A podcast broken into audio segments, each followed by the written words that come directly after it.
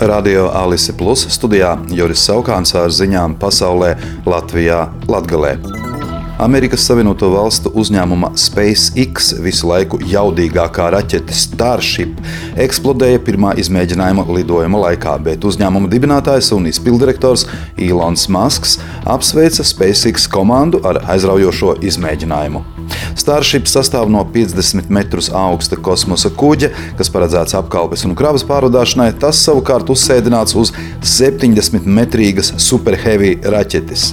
SpaceX jau februārī sekmīgi izmēģināja 33 dzinējus Raptor, kas darbinās pirmās pakāpes raķeti, taču Starship kosmosa kuģis un Super Heavy raķete kopā tika izmēģināta pirmo reizi. Ka iespējamas tehniskas problēmas Masks brīdināja jau pirms izmēģinājuma, viņš norādīja, ka tik gigantiska un ļoti sarežģīta raķete tiks palaista pirmo reizi un ir miljoniem lietu, kas var noiet greizi. Toronto Pīrsona lidostā pirmdienas vakarā nozagts kravas konteiners ar zeltu un citiem priekšmetiem apmēram 13,6 miljonu eiro vērtībā. Pīles reģionālās policijas inspektors Stevens Džuvesteins paziņoja, ka tas nozagts, kad pēc izkraušanas no lidmašīnas atradās uzglabāšanas zonā. Izmeklētāji strādā, aizturēts vēl neviens nav. NATO ģenerālsekretārs Jens Stoltenbergs pēc vizītes Kijivā uzrunā Vācijā notiekošās Ukrainas sabiedroto kontaktgrupas kārtējās sanāksmes dalībniekiem izteicās, ka visas NATO dalību valstis piekrīt Ukrainas uzņemšanai aliansē, tomēr pašlaik galvenā uzmanība ir jāpievērš tam, lai palīdzētu Kijivai uzvarēt Krieviju karā. Savukārt Vācijas aizsardzības ministrs Boris Pistorjus vakar paziņoja, ka Ukrainas iestāšanās NATO nebūs strauja, paskaidrojot, ka tādus lēmumus nevajadzētu vajadzētu pieņemt tikai solidaritātes jūtu iespējā.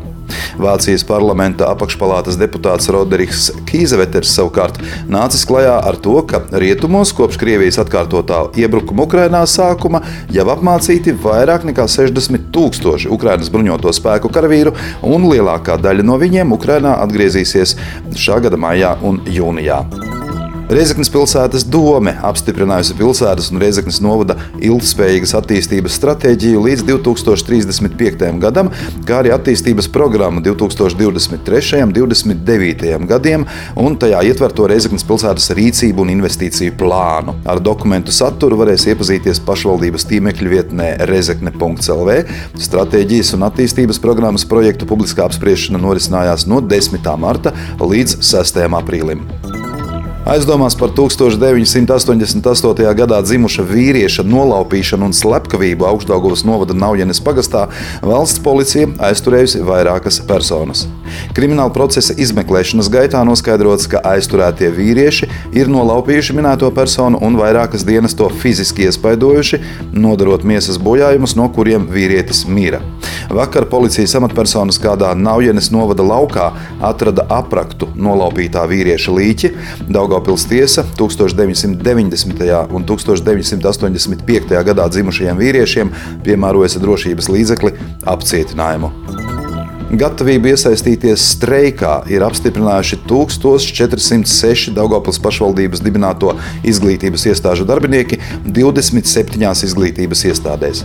Uz trim dienām savu darbu pilnībā pārtrauks 19 izglītības iestādes - Draudzīgā aicinājuma vidusskola, Tehnoloģiju vidusskola licejs, Pilsudska Daugopils valsts poļu ģimnāzija, 11. pamatskola, Saskaņas pamatskola, Vienības pamatskola un Daugopils pilsētas 4. 12. 12, 15, 18, 20, 21, 22, 23, 24, 26 un 27 pirmsskolas, kā arī Daugopils pilsētas 29. poļu pirmsskola un Daugopils ruģeļu pirmsskola. Šajās iestādēs streika laikā mācību process nenotiks, savukārt no Rēzeknes pilsētas izglītības iestādēm streikā nepiedalīsies tikai divas pirmsskolas izglītības iestādes. Kā zināms, Latvijas izglītības un zinātnes darbinieku arotbiedrība Savienības padome nolēmusi pirmdien, 24. aprīlī, rīkot protesta gājienu, kam sekos trīs dienu streiks, prasot politiķiem pildīt neilgi pirms 14. saimas vēlēšanām panākto vienošanos par pedagoģu darba samaksas paaugstināšanu. Ziņu apskatu pasaulē Latvijā Latgalē veidoja Radio Alise Plus informācijas un ziņu dienests studijā bija Juris Saukāns.